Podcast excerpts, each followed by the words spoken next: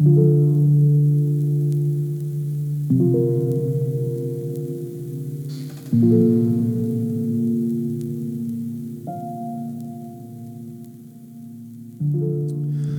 lyssnar du på Parafraspoddens mellansnack till avsnitt 13. Eh, bibeltexten är ju Marta och Maria och, och jag är superglad att ha Linnea Oberg här som min gäst. Hej Linnea! Hej! Kan inte du bara börja med att berätta lite vem, vem vad, vad har du för presentation som du brukar ge lite kort? Vem, vem är du? Just det. Ja, men jag vet inte om jag brukar ge det, men Linnea Åberg heter jag och eh, är missionär i Thailand. Eh, jag arbetar som regionledare för Evangeliska Frikyrkans internationella arbete i Asien. Så jag bor i Chiang Mai i norra Thailand tillsammans med min man Tobias och tre barn. Helmer, Erling och Siri.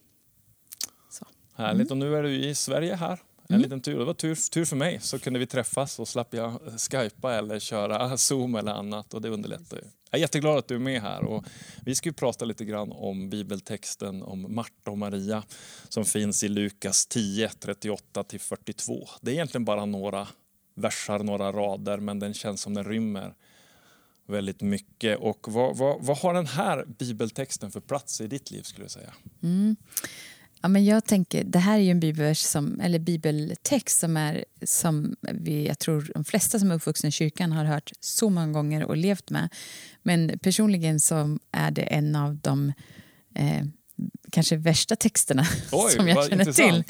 Eh, ja, ja, men jag, jag tänker att ehm, vi kommer ju komma in på det, antar jag, men just att, att det här är en text som liksom på något sätt jag känner igen mig otroligt mycket i, i Marta. Eh, och hon blir alltid utmålad som problemet i den här Just texten. Eh, och jag liksom försöker eh, och har samtalat med många om den här texten men liksom har svårt att liksom se vad är, vad är utmaningen för mig i den här texten. Mm. Eh, ja, och jag, ofta när jag läst den här har jag nästan känt skuld och skam Okej, ja. snarare än en vila. Så. Just det. Mm. Vi kommer ju ta oss an lite grann, både Marta och Maria här i vårt samtal. Mm. Så, eh, tycker du ändå något direkt så här sticker ut? Det är ju, som sagt, den är inte många versar, eh, Mm. men det, den har ändå fått en ganska stor plats i, i, i, i mångas liv på ett sätt. Mer. Mm. Ehm, ja, men det som har stuckit ut ganska mycket är ju, tänker jag, Martas, ja, men Martas fråga till Jesus. Och det är väl kanske där ibland som är problematiken. Eller Martas sökande efter Jesu bekräftelse att Maria gör fel på något sätt. Ja. Eh, och där tänker jag liksom på något sätt sticker ut och hur Jesus, jag är tvungen att läsa den här ett par gånger, liksom, ehm, ja, men det Jesus, eller det Maria säger liksom att, att eh, ja, men hon söker efter Jesus bekräftelse över att nu, kolla nu, Maria Mm. gör ett fel här. Men Jesus försöker vända hennes blick till någonting annat. Och det är väl det som jag tänker vi behöver lära oss att se någonstans. Men det är vi kanske sådana som jag och flera med mig eh, som ibland kämpar med den här prestationen. Eh, kanske ibland kan kännas fördömda av Jesus snarare än uppmuntrade av Jesus. Ja. Kanske inte fördömda, det är ett starkt go- ord. Mm. Men hur ska vi hantera oss själva Ja. eh, i relation till Mariorna runt oss på något sätt? I den här texten så är ju Martas oro lite i centrum. Mm. Jesus säger du själv, du oroar dig så mycket. Då. Och då blir jag nyfiken, hur hanterar du oro Mm. i livet?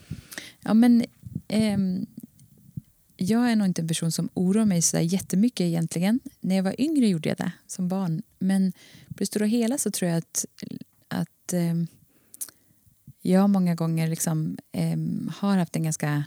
Ja, men det är liksom ganska lätt, kanske som Marta gör egentligen. Grund, grunden i mig är att jag verkligen så här, istället för att, att stå tillbaka och oroa mig så tar jag mig an problemen. Och kanske det där som Marta gör i den här texten, hon liksom ska lösa problemen och så vidare. Och eh, jag kan nog vara likadan. Och det jag fått lära mig, liksom, ju äldre man blir också ibland när, när problemen egentligen växer så är det väl där utmaningen för mig och för många andra, det är ju på något sätt att liksom vila i Gud. Mm. Och när jag läser den här texten så är det kanske det som är en, liksom, en del av den här liksom, ehm, som Jesus kommer tillbaka till. när man läser texten så är det lätt att se att det är Martas arbete som är problemet. Att man tänker att hon gör så mycket, hon sitter ju inte där vid fötterna. Nej, nej. Liksom. Men jag tänker att, att kanske då liksom att lyfta problemet och tänka att det handlar inte om vad hon gör utan att vem hon sätter sin tillit till. Till henne själv eller till Gud. Och det är väl där jag tänker liksom det här vem, vad, hos vem lägger vi vår oro? Mm. När problemen växer, ju äldre vi blir, ju äldre våra barn blir. Jag pratade med någon häromdagen att när barnen är små så är problemen ofta små, även om de kan kännas oumbärliga. Men ju större barnen blir och ju mindre kontroll eller vad jag ska kalla det, man har över barnen desto större kan problemen också bli.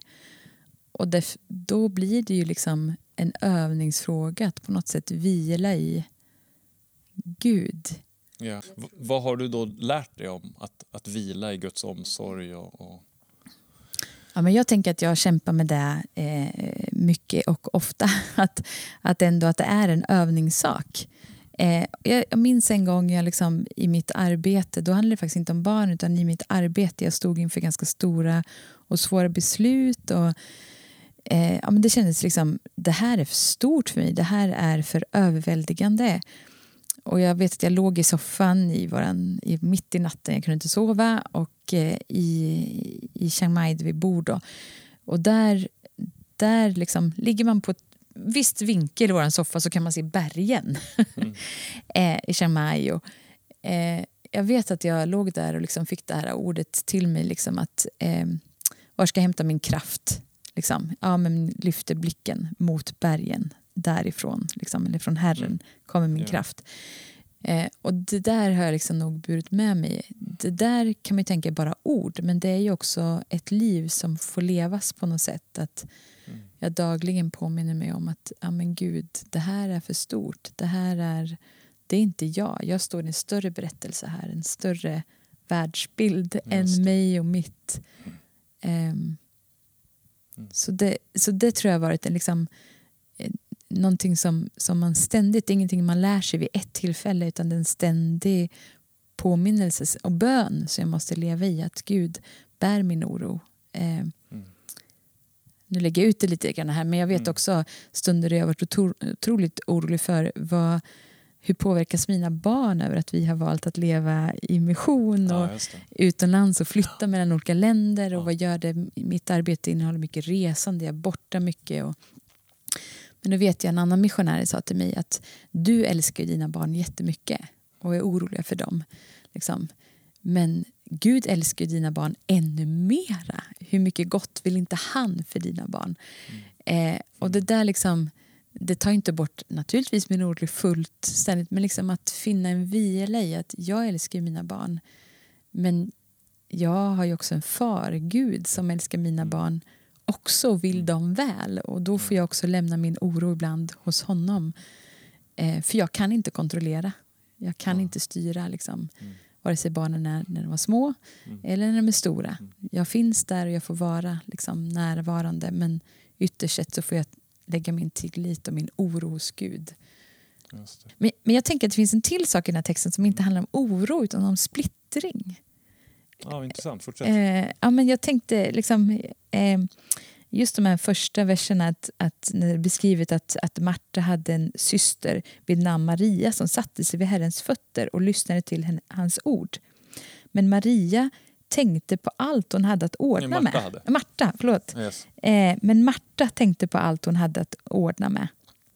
Så att när Maria sätter sig där och lyssnar till liksom Jesus då, då är liksom, det står egentligen inte att Marta inte sitter där. Uppenbarligen gör nog inte det. Men det står att Marta tänkte på allt annat. liksom. Jag tänker att det där är ju också att ett ut, jag, jag läser det som att Marta var splittrad. Eh, hon kanske var orolig, för det säger ju Jesus, att du oroar dig för så mycket. Men att det finns en splittring som är så bekant i våran tid. Ja. Där vi inte är närvarande. Eh, där även om vi har Jesus mitt framför oss liksom, eller våra barn mitt framför oss eller något annat så lever vi i en tid som är så splittrande där vi liksom har svårt att vara närvarande. Och att det kanske det ibland är tilltalet till mig i den här texten. Mm. Att, Är det, då, är det för dig en annan, är det en annan splittring i Chiang Mai att leva där eller att vara hemma? För du är ändå hemma i Sverige, Mm. eller Mm. i vår, mm, i, i den som lyssnar på den här podden troligtvis i, Mm. i den svenska bubblan bara. Vad, Mm. vad, är, det, är, det en, är det samma oro eller Mm. tar den sig olika uttryck för dig? Spli, eller splittringen ska jag säga. Ehm, ja, men jag, jag, en jättebra fråga som ska försöka svara på. Jag tror att splittring kan all, liksom, i den globala och teknologiska världen som vi lever i så även i, i Chiang Mai så har ju barn mobiltelefoner och vi har mobiltelefoner och vi kan röra oss och liksom, eh, vi kan hålla hela världen i handen samtidigt som vi liksom ska vara närvarande. Så till viss del tänker jag att splittringen är likadan. Liksom. Samtidigt så, så tänker jag att det kanske finns andra typer av krav här. Det finns fler saker att hålla samman. Ehm, där det finns prestation naturligtvis i Chiang Mai och i, i den thailändska kulturen och så vidare. Men kanske på ett sätt ehm, Världen är större därför att du har ett globalt perspektiv. Våra, mina barn liksom ser ju en större del av världen kanske. Mm. Samtidigt så blir också världen mindre därför att vi är där och då. Ehm, det finns saker som gör att vi, vårt liv hålls samman tydligare Okej. när vi är där. Ja. Eh, och det kan vara att vårt, vårt sociala nätverk på ett sätt är mindre. Vi behöver inte resa till, till eh, far och morföräldrar liksom varannan helg. Eller, Mm. eh, fotbollslaget hör samman med skolan, så går på skolan där, där också fotbollslaget på samma plats. Och, Smidigt. ja, precis. Ja, men det finns liksom Mm. yttre Ja, strukturer. förstår. Sen är det klart också att jag och min man vi är utsända med liksom en intention och ett uppdrag som kanske också håller samman familjen tydligare. Ja. Ehm, där jag tänker att samma intention kan man leva med i Sverige men det kanske inte det yttre gör det inte lika tydligt att intentionen att leva missionellt Mm. är lika tydlig. Medan Ja. vi lever med den strukturen och den liksom, intentionen uttalad. Ja. Eh, vilket gör också att det håller samman vårt Ja. liv. Det Eh, där är ju superintressant. Så, så om man nu tycker använder ordet borde, borde det ju verkligen vara i varenda familj. Att våran helhetssituation den bygger på att vi ska, det ska bara funka bra för oss istället för den, den jag kan känna igen mig och många i Sverige där det är verkligen det berömda livspusslet, det är nästan omöjligt lägga. För det finns ingen som har sagt att först och främst måste ni funka som enhet för att det övriga ska funka. Men det måste precis. vara en skillnad ju. Ja, Mm. och det är kanske där också närvaron. Om vi nu tänker att Marta hon var inte närvarande. Så tänker jag att det är min stora kamp också som liksom ledare och reser mycket och arbetar är ju att vara närvarande där jag är. Och, och där har jag haft förebilder som jag fortfarande liksom tittar ibland på och tänker men hur kan människan vara så närvarande Mm. i samtalet eller i, Okej. Liksom, men det jag, det jag får påminna mig själv, jag lyckas eh, en av 20 gånger. så det är liksom, men när jag är med mina barn, att liksom, nu är jag här. Liksom. Det gör inte så jättemycket om det tar några minuter extra. För då har jag prioriterat det och för att det är viktigt. Liksom. Men du tar det som en, ett, ett verktyg, att du, du tränar på din närvaro i nuet, rent medvetet att nu är, nu är det Ja. här jag är. Så. Ja. Och det där hänger ihop med... Jag, jag försöker verkligen Mm. göra det. Sen låt, det. Det får inte låta som att jag är bra på det här, för det är jag inte. Nej, nej. Men jag liksom... Men det låter ändå som en strategi du har medvetet med dig. Att, Ja, att, jag, jag, har, jag tror att det är inte så många år sedan liksom, jag insåg så här, ja, mina barns barndom kommer bara flyga förbi. Liksom. Och jag är ute och flänger i världen och tycker att det är så viktigt att leva för Gud. Liksom.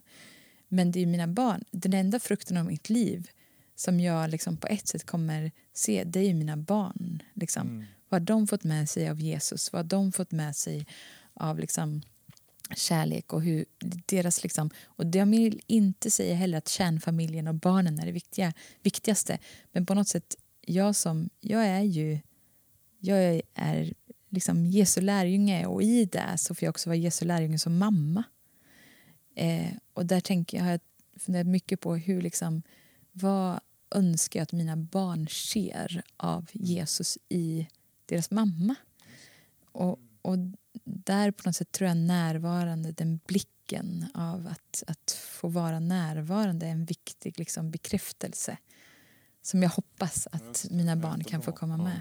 Men hur, att du tjänar Gud på det sätt som du gör, hur kommer Mm. det sig?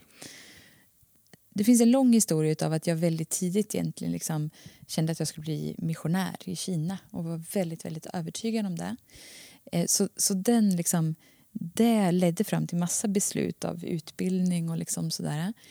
Eh, och, och det har nog hela tiden funnits i mig att jag vill tjäna, eh, tjäna Guds kyrka liksom, på något sätt.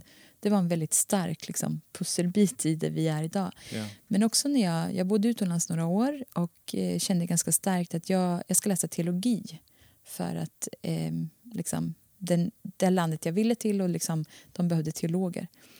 Eh, men under mina år, och då kom vi in lite grann på Maria och Marta, under mina år när jag pluggade så gick jag igenom man kan säga, en kris av att jag insåg att jag har liksom satt tjänsten väldigt, väldigt högt. Alltså att min identitet bygger på att jag ska bli missionär i Kina. Allt jag väljer jag, har jag valt för att jag ska ut i mission. Ja, okej. Eh, och jag läste Magnus Malm, eh, en känd kristen författare i Sverige.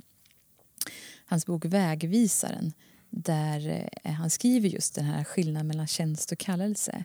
Att vi är alla kallade till Gud, att vara Guds efterföljare, eh, hans barn. Liksom. Och det är vår första kallelse, inte tjänsten. Han gör en tydlig sån Ja, skillnad. Liksom.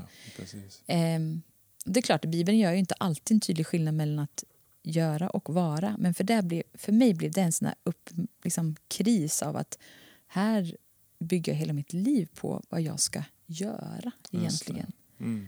Ehm, men att, liksom, att, vara, en- att vara Guds barn. Liksom. Ja. Och det, hela det ledde väl ut till att liksom vi efter år av, av olika saker eh, landade i liksom att vi, vi öppnar för mission. Vi öppnar för... Liksom, men det har, har varit ganska mycket tror jag, behovsstyrt också av vad vår rörelse och vår kyrka och vårt sammanhang har sett att Mm. vad som behövs och vad som finns i oss. Ehm, så vi hamnade där mycket utifrån att det fanns ett behov. Ja. Vi har haft hjärta för mission, vi har ett hjärta för mission Mm. eh, för församlingen och så. Mm. Så- Ledde det där Mm. då till att det inte blev Kina ens som Nej, land? Mm, nej men precis. Eh, det blev inte Kina då som land. Sen var vi Mm. tillbaka. Jag var tillbaka ett par gånger, kortare. Och vi var tillbaka innan vi hamnade i Thailand. Så var vi i Kina för att pröva missions, internationell missionskallelse. Ja. Och då var vi så här, men hit ska vi tillbaka. Men sen så blev det en annan väg och vi hamnade i Thailand. Så utan Kina hade vi nog inte varit, vi skulle absolut inte vara där vi är idag. Ja. Så. Mm. Så att jag tänker också att det där var Guds kanske finurliga sätt att liksom Mm. leda. Och, Ja, Så. vad spännande att höra. Mm. Eh, Jag fortsätter med stora frågor. Mm, mm. Hur, hur hanterar du utmaningen att inte sätta ditt värde på dig själv utifrån prestationer Mm. och vad du åstadkommer i resultat? Mm. Nej, men ja, det där är min stora kamp, tror jag. Eh, jag tror att jag helt... Jag har varit... eller är kanske en liksom ganska högpresterande människa liksom, som vill få mycket gjort. Och, jag liksom, och kanske nästan sen jag var, om jag vågar säga det, men ganska ung alltid har fått bekräftelse för vad jag gör. Och det där är, gör ju att man liksom Mm. på något sätt tror att jag är, jag är vad jag gör. Så. Mm. Mm. Ehm, och visst har jag gått igenom vissa kriser och svårigheter som gjort att det där kanske har skruvat på sig. Att jag liksom ehm, har funnit större vila i vem jag är än vad jag gjorde när jag var yngre. Samtidigt så är det för mig är det en ständig dragkamp, Mm. tror jag, och kamp för Mm. mig att liksom ehm, Särskilt när jag var yngre, då kunde jag liksom, om, om jag någon gång predikade någonstans eller eh, hade undervisning på bibelskolan där jag jobbade eller något annat och kände att det gick dåligt så kunde jag ju gå ner mig jättemycket och tänkte Mm. jag är en värdelös människa. Liksom. Mm. Alltså att det blev väldigt, Ja. väldigt personligt. Jag tror det har kanske lite grann med, med också ålder att göra. Att, att, att jag är, jag gör faktiskt inte, eller jag är inte vad jag gör. Men för några år sedan gick jag igenom en depression där jag var tvungen att också bearbeta det där tydligare. Liksom. Okej. Jag kunde fortfarande vara till viss del eh, fungerande och arbetade liksom och så. Men, men jag fick liksom eh, ställa tuffa frågor till mig själv men också låta Gud göra ett verk i att, att det finns mer än det jag gör. Mm. Och att det ytterst handlar om att eh, Jesus, Jesus älskar mig och är Guds barn. Liksom. Mm. Men det som sagt, återigen, det jag upplever för mig i alla fall att det där, det där är en, en daglig kamp Mm. på något sätt. Ett, ett dagligt val också, Ja, att påminna sig om, det. om det. Eh, För jag, tycker, jag tycker det här är en sån utmaning. För jag, jag Mm. känner också, inte minst man, man träffar också yngre, både ledare men Mm. tonår, man, vi börjar ha tonåringar hemma och sådär. Mm. Och man känner ju, mycket skulle man bara önska att de fick på plats verkligen. Mm. Att, att de inte är vad de gör eller vad de äger eller så. Och ibland kan jag känna så här, alltså går det lära någon annan än, kan, än livets resa? Mm. Att bli någonstans mitt i livet och, och nästan börja se det här och kunna hantera det. Jag vet inte, hur tänker du? Jag vet inte. Det, det låter så negativt att inte tänka att man bara kan plantera det i en ung generation. Men Ja. jag blir ibland så här, går det här lära utan att det levs fram? Jag vet inte, vad tänker du om det? Ja, men det är en jätte, jätte, jättebra fråga. Jag, I i liksom, eh, livet som förälder också så tänker jag, för mig har jag också försökt tänka så här, hur uppmuntrar jag mina barn? Vad Mm. bekräftar jag Mm. hos dem? Liksom? Eh, men jag tänker lite grann som du också, att någonstans är det en det är nog en lärdom, en väg att vandra i det. Mm. Och sen, det är en del av det. Sen är den andra delen är det, det finns ju också någon vi gör ju väldigt gärna ett kraftigt delande av vad du är och vad du gör. Samtidigt Mm. tänker jag ibland att som lärjunge går det kanske inte att göra det där. Det är som att skilja mellan tro och praktik eller tro och Mm. lärjungaskap. Mm. Ja. Men det Mm. finns ju också ett samband däremellan. Ehm, och då pratar jag inte om prestation utan kanske liksom hur, vad jag väljer, hur jag lever mitt liv. Alltså hur jag Mm. praktiserar vem jag är. Det där kommer ju bli synligt. Liksom. Jag tänker kanske ibland också att liksom hur mina barn, hur lär jag dem att, att, liksom, att vara älskad? Och det tar sig också uttryck i vad de gör Ja. på något sätt. Ja. Liksom. Att vara Guds lärjunge kommer också visa sig i hur de bemöter andra. Eh, Och vad de kanske väljer för någonting. Det kanske låter lite flummigt men ibland den där tydliga uppdelningen mellan att Mm. vara och göra ehm, den måste göras tror jag. Mm. Och samtidigt behöver vi också se att det hänger, Mm. det finns trådar däremellan. Men om man tänker mot bibeltexten, Mm. då, finns det risk tänker du då att man, man separerar Marta man ställer dem mot varandra alldeles för mycket eller? Deras, Mm. men- deras två spår. För de är så tacksamma att polarisera och sätta i varsin soffa Verkligen. Marta och Maria. Ja. Eh, Spretar vi dem för mycket tänker du? Ja, men kanske. Och, och just, just därför att jag, som jag sa, ända sedan jag var liten och vi läste de här texterna, de läste dem på bibel, när man gick tonårsbibelskola och tonårssamlingar och jag kände bara, jag, jag är fel. Alltså nu kommer det där, jag är fel för att jag är Marta. Mm. Eh, jag, jag växte upp och var skitirriterad på alla eh, ungdoms, eh, manliga ungdomsledare som kunde luta sig tillbaka och låta tonårstjejerna diska i köket eh, på, på fredagskvällen och tyckte liksom och var lite grann då Marta som, som liksom såg de här behoven, praktiska behoven Ja. och vi behöver göra. Och då blev det ju nästan en skuld över att vara Marta Mm. för att det var Maria som gjorde rätt här. Liksom. Ja. Och jag tänker i viss del så är det väl kanske så att vi polariserar dem. Men det är också pedagogisk anledning naturligtvis att vi vill visa någonting i detta. Men, men lite onödig polarisering är det nog om vi använder Maria som en ursäkt för att inte se behoven. Där finns väl den där, tänker jag, att, att våga... Jag tänker när jag läser om, om berättelsen igen, nu jag gjorde det inför den här stunden, så tänkte jag så här, urskiljning är ju ett väldigt viktigt ord i detta. Att Marie, eh, Marta kunde inte urskilja vad som var viktigt i stunden. Hon var splittrad i, i stunden. Hon tänkte på andra saker Mm. istället för det som var mitt framför henne. Liksom. Eh, och, det, och därför tänker jag att Marta är inte fel egentligen. Eh, och att, att tjäna på det sätt som Marta Mm. gör. Nej. Men att i stunden kunde hon inte urskilja, hon kunde inte se vad som var framför henne. Och är det då tjänandet, jag funderar när blir det, när drar det här snett Mm. då för görandet som ju finns ett jag tänker bara Jesus hela Mm. utskick och du som är missionär behöver ju inte läsa det för men gå ut i hela världen och gör lärjungar. Alltså, det är ju en otrolig uppmaning till Mm. handlingskraftig prestation. Ja, ja. Som inte då är värdebaserad och det tejpar mig ett värde vem jag är men, Mm. men ändå ut och gör grejer då. Mm. När, när drar det här snett? Mm. Är det det? Är det ditt Mm. svar? Just Mm. när, jag börjar identifiera mig Mm. med Mm. Ja, jag, eller jag nog värdet s- får jag utifrån prestationen. Ja, ja men jag tror det. Att det skulle, liksom, när det blir ehm, ja, men som du säger, när det identifierar mig med. Mm. Liksom, och jag inte har någonting annat att falla tillbaka på. Eh, och det var kanske det jag liksom märkte då när jag gick igenom den krisen liksom, som relativt ung och pluggade och skulle, jag skulle göra mission. Liksom. Och, och i hela den tanken eh, som jag levde med var ju att det var jag som skulle göra Guds mission. Mm. Mm. Men jag tänker ju äldre jag blir och desto mer jag står i på något sätt så får jag falla tillbaka att det här är Guds mission.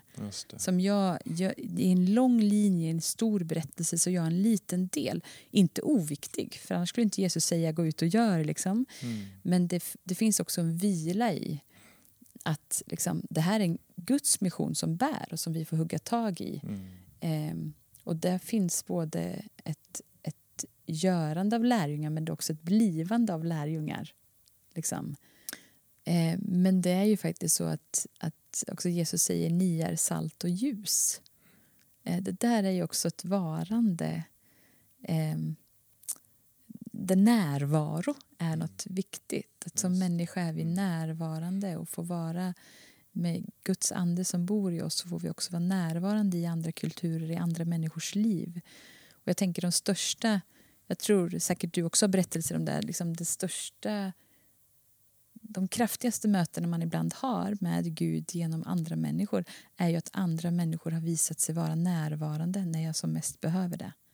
Det. Att de har funnits, de Mm. har sett mig, de ser Ja. mig. De, eh, och det är väl där jag har fått liksom, arbeta för att öva mig på i mina barns liv. Att vara Ja. närvarande. För jag tänker att det kanske är det stora som människa. Mm. Lite Mm. filosofiskt. Nej, det är kanske. bra det här. Mm. Jag tycker det är bra. Det, det, om vi pratar lite om Maria, eller det är egentligen bara den här grejen hon gör. Hon sätter sig vid Jesu Mm. fötter. Hon tar tid med Jesus. Mm.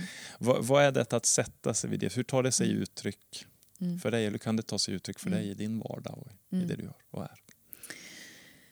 Ja, det där är jättesvårt för ibland går mitt liv som många andras liv i 130. Liksom, 30. det finns inte en chans liksom, att, att eh, känna att man eh, ska sätta mig vid Jesu fötter här. Det är en ganska ju inte. romantiserad bild Ja, av det hela precis. den bilden man Ja. har framför sig. Så. Ja, precis. Men det finns någonting i det. Eh, jag tänker... Eh, jag lever med två saker liksom i detta. Det ena är liksom att ständigt vara närvarande. Att vara vid Jesu fötter tänker jag kan vara ständigt vara närvarande där vi är. Att, och i den vara närvarande på något sätt lyssna in Guds röst i ett möte som detta eller i andra möten. Att liksom, jag är närvarande i detta och då kan jag också höra Guds röst tilltal till mig Mm. där jag är. Det handlar inte om att jag sitter i enskildhet alltid och liksom Nej. läser min bibel eller så. Mm. Så, så där tänker jag en närvaro i där vi är och det vi gör. Liksom. Men sen så för mig, det tycker jag också blir viktigare ju äldre jag blir, att jo, det är faktiskt viktigt att någonstans, eh, även om det inte är varje dag, men ändå med en viss regelbundenhet, alltså hitta en stund av, av den närvaron där jag får liksom läsa Guds ord eller, Mm. eller be eller liksom lyssna på någonting. Mm. Eh, det har varit perioder där jag tänkt så här, nej men det, jag kanske inte hinner eller det går inte. Men jag, för mig blir det mer och mer viktigt att den tiden och rummet finns. Det. Liksom. Mm. Eh, och det behöver inte vara långa stunder, det behöver inte vara som jag sa varje dag. Men Mm. det, har fått, det spelar en allt viktigare roll för mig att stanna upp. Och det är kanske mest det det handlar Ja. om. Att stanna upp när allting rusar. Och jag måste göra det fysiskt. Inte bara i en slags tanke utan att liksom få några minuter. Om det är en kaffekopp på trappan eller det är liksom, en bibelvers Mm. liksom, i fåtöljen eller vad det nu kan vara. Men Mm. att ett, jag stannar den, att, Mm. denna rusning för en Ja. kort stund för att ta ett nytt grepp. Liksom. Just det. Så. Mm. Ja, jättebra. Jag tänker en sida av det är ju att, för jag är med dig i det, att, att man, man både förhoppningsvis när man stannar upp mitt i det, det som ändå brusar så, så brukar man både kunna höra Gud i något Mm. form, ett bibelord faktiskt kanske, Ja. hoppa lite ur texten och, och bör, bli relevant. Mm. Men jag har ju också erfarenhet av att man börjar faktiskt höra sig själv. Och det kan ibland vara, Mm. tyvärr, Mm. anledningen till att man ibland inte vill stanna upp. För då kommer jag börja hinna höra vad som egentligen rör sig i mitt liv. Eh, och där tror jag ibland vi lurar oss och där har jag Mm. ibland tänkt den här texten som en hjälp att vara Maria, att Mm. faktiskt sitta vid Jesu fötter och utsätta mig Mm. för mig själv. Ja, För jag vet att Gud kan hantera mitt nu. precis. Men kan jag det? Mm, mm, Eh, jag vet har du, kan du relatera till det? Att, att man hinner ikapp sig själv. mm. När man tror man ska tid, ta tid Ja. med Gud så, så möter man sig själv också. Ja. Men åh, verkligen, jag får säga.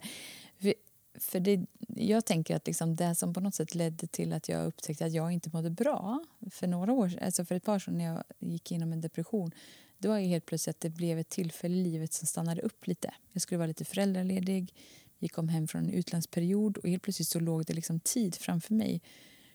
Och då upptäckte jag att jag mådde dåligt. Liksom. Mm. För att jag på något sätt hade rusat i länge och väl och då inte lyssnat kanske varken till Jesu röst eller min egen röst liksom, i Nej. det. Och det där är ju att möta sig själv. Jag tänker att när man åker på en retreat, om man gör det, en tyst retreat, det finns ju något otäckt och skrämmande med det. Mm. För att det handlar ju om att på något sätt så är rubriken kanske att höra Guds röst men det är ju väldigt mycket om att möta sig själv. Och, och, och det kan också vara otroligt smärtsamt. Mm. Liksom.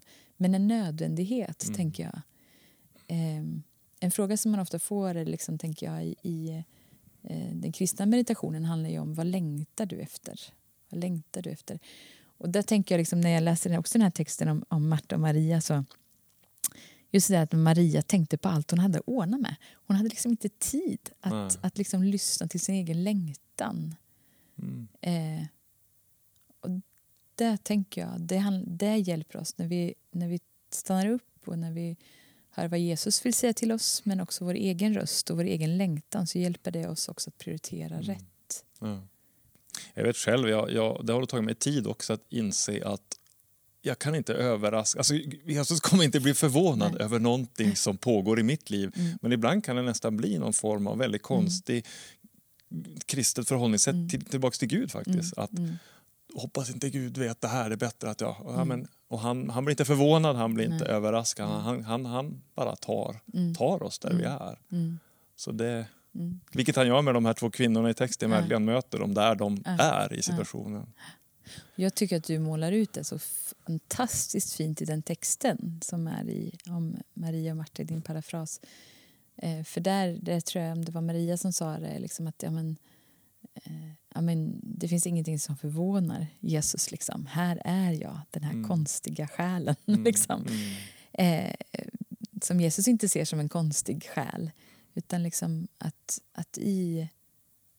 Ja, men det finns ingenting som förvånar liksom Gud. mm. Och det tänker jag också att ju, ju, liksom, ju mer vi brottas med bibeltexten, ju mer vi läser om Jesu liv så ser vi också att Jesus har gått igenom det vi själva går igenom. Eh, och det är verkligen en tröst Mm, i det. Mm. Hur, hur tycker du då din relation till Jesus och Gud har, har förändrats över tid? Mm. Eh, Eh, vad, vad, vad var det att älska Jesus när du var yngre och har Mm. det förändrats nu eller? Mm. Jo, men det, det tror jag. Jag kanske aldrig har riktigt... Jag har nog inte liksom analyserat det färdigt så.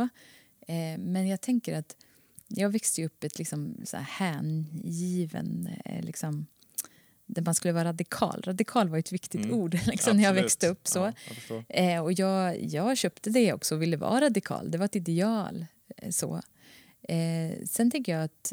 Och, och, och, jag använder inte det ordet idag, liksom, utan jag tänker att... Jag tror att min, min relation till Gud handlar väldigt mycket om, om en vila. Att jag snarare sitter i Guds knä än att jag håller fram... Liksom, vad ska jag säga, än att jag sträcker upp händerna. liksom. Mm. Om man använder det som bild. Jag älskar att Mm. lovsjunga och, och sträcka händer också. Men just att, Mm, mm. att snarare att jag sitter i Guds knä än att jag sträcker mig efter honom. Ehm, det där kanske kan gå i, i perioder också och så men det har Mm. fått, jag upplever att min, min relation till Gud mycket, mycket mer präglas av en vila än, än ett jagande. Eh, där jag Mm. måste på något sätt kanske bevisa eller hålla mig själv up to date. Nu på Mm. något sätt så kanske en del av liksom, ja, men det är Jesus som jagar mig. Mm, mm, Det är jag som, Ja. jag som får vila i honom snarare än att, Mm. att jaga. mm, Ehm, mm. Det här att, att älska Jesus kan ju bli för oss en, nästan en fråga. Gör, gör jag det? Kan jag, har du något sånt här det behöver inte vara fem checka av det här, men har du något, kan du hjälpa en, en lyssnare att, att sortera i kännetecken på att man älskar Jesus? Hur uttrycks det i ett lärjungaskap? Mm. Jag tänker frågan är lite ställd för vår tid är så fokuserad att kärlek är ytterst bara en känsla. Och den vet vi ju alla är väldigt svajig, där feelingen för Jesus kanske är totalt obefintlig men jag misstänker att en person i det kan verkligen älska Jesus. Mm. Så vi inte går vilse i bara den mm. emotionella eller, eller den här upplevelsen av någon form av gåshud i förbönstunden. Och nu mm. älskar jag Jesus. Nej, jag tänker det, det är betydligt mm. rejälare än så. Och vad kan, jag känneteck, mm. vad kan känneteckna mm. Jesus kärlek? Ja, men för mig det är alltid lättare att prata om andra. Så här, vad är det när jag ser, som du säger, kännetecknar. Ja, men det kan vara ett sätt att ringa in. Och för mig, har, som jag började någonstans när vi pratade om liksom det här med närvaro. Det finns ju människor som, som är väldigt närvarande och som man känner sig sedd. Det, det behöver inte handla om många minuter egentligen utan som man möter på olika platser och som man upplever att den här personen är intresserad, den ser mig, jag känner mig sedd, den är närvarande i samtalet. Den är absolut inte splittrad. Mm. Liksom. Eh, och det på något sätt, i de i de mötena så blir ju liksom på något sätt Jesu kärlek väldigt uppenbarad för en. på mm, något sätt. Mm. Och för mig har nog det varit liksom, när, jag, liksom, när eh, vi pratar om det här med att vara och göra och liksom eh, jag tänker att det finns många människor som jag också ser liksom så här, som gör otroligt mycket och som älskar Jesus. Liksom. Men ett kännetecken för mig på något sätt att känna igen kanske Jesus, kär, alltså kärleken till Jesus har varit kärleken till andra människor mm. i deras närvaro bland andra människor. Mm. Ja. Men det kanske är det som jag ytterst sett säger. Sen finns det just, tänker jag, att människor drivs till handling mm. utav att man älskar Jesus. Man mm. vill gå i Jesu fotspår. Eh, det är ju också saker. Men mm. då kommer vi lätt in på det här att mm. görandet mm. istället för varandet. Så. Eh. Nej, men och där har jag tyckt att Jakobsbrevet som verkligen är ett utmanande brev i Nya Testamentet som handlar om att tron måste ta sig praktiska uttryck. Ett väldigt viktigt brev som ibland jag kan nästan känna, i vår rädsla att folk ska känna att vi borde nog göra och man är så rädd att, att utmana kanske. Mm. Så, så läser vi för lite Jakobsbrevet för det är en sån härlig komplement till en, mm. Guds kärlek blir att vila och vara. Nej, men kärlek är också handling, alltså hur kan du hur kan Guds kärlek förbli oss om man ser den med behov? Det är så det, om man pratar radikalt så är ju Jakobsbrevet, det, det behöver man ju sitta och, och, och läsa alltså. För det, Jag tänker att det största, jag menar, det finns ju en, en ideal, eller vad ska jag säga, ideal är kanske fel ord, en, en praktik av enkelhet egentligen genom kyrkans historia. Och när vi pratar om enkelhet så tänker vi många gånger på materiell enkelhet. Eh, men jag tänker kanske det mest radikala i vår tid av enkelhet handlar ju om att skapa tid och rum. Kommer tillbaka till det, ja, ständigt just. närvarande. Mm. Men jag tänker liksom när vi pratar då så här att arbeta på din frälsning eller att göra, ni ska vara trons görare.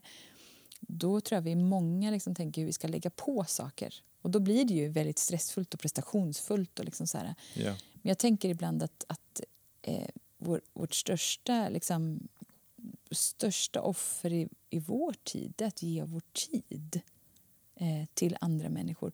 Och Då handlar det om på något sätt en enkelhet av att skala bort saker för att kunna skapa utrymme och, och närvaro för mm. människor mm. och kanske för sin egen familj ibland också. Att, att det är enkelheten i vår tid. Eh, och där leder till materiell enkelhet för att du kanske måste liksom gå ner i tid och arbete och liksom sådana saker. Men mm. jag, ja, nu vet jag inte riktigt om jag svamlade iväg. Men... Nej, det är lugnt. Jag tänkte så, så, i så fall, det tyckte jag inte du gjorde, men om det kändes så ska jag så, samla ihop oss med min, min sista fråga. Och den, den handlar helt enkelt vad du, vad du själv och vad ni längtar efter mm.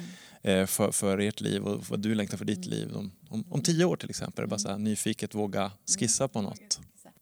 Ja, men, eh, som sagt, jag, just nu är jag inne mycket i det här. Liksom, hur kan jag vara närvarande? Hur kan jag liksom, skala bort? Liksom, hur kan jag prioritera?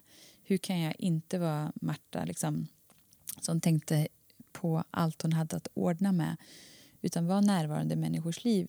Sen kan jag också se det jag längtar efter är på något sätt kanske i en väldigt polariserad värld. För det, det är ju känslan och kanske ännu mer när jag reser från Thailand eller från Asien till Sverige. Liksom, samtalen är polariserade, åsikterna är polariserade. Mm, okay. mm. Eh, man, man drivs isär i sitt inre utav det här att, att göra så mycket. Familjer, man lever sällan nästan på samma plats därför att det är så mycket man ska hinna med. Och där kan jag också känna liksom, vad jag skulle längta efter det är att leva ett liv som gestaltar nåt annat än polarisering. Eh, mm. Att göra det med vänner, med församlingen, att göra det med familjen. Att få leva liksom ett liv där vi, där vi kan hålla ihop trots olika saker, trots, trots olika åsikter, trots olika tankar. Trots olika intressen och olikheter så vågar vi ställa oss tillsammans mm. i ett större i Guds större berättelse på något ja. sätt för att det ryms yes. där. Mm. Eh, och det, på något sätt kanske jag jobbar redan för det liksom, och, och i, i missionen som är oftast väldigt bred och spretig. och så mm, mm, Men jag kan också se en längtan att ja, den dagen vi återvänder till Sverige att få, få försöka tillsammans leva det livet. För det känns som att det är så mycket som slår isär mm. i, i vår tid på något mm. sätt. Eh, jag tänker efter samtalet så inser jag den här texten som jag också nog har haft väldigt splittrad syn på, mm. hur den drar åt två håll. Mm. Eh, kanske faktiskt inte gör det på ett sätt. Mm. Utan det kan få vara en, en utmaning i oss det här att ja, splittrandet drar oss isär men, mm. men Marta och Maria drar oss inte isär. Jätteintressant att höra dig prata Linnea eh, runt det här. Eh, tack för att du ville vara med mm. i podden. Så får jag önska er allt gott med det ni gör. Mm. Tack Rickard, jätteroligt att vara här.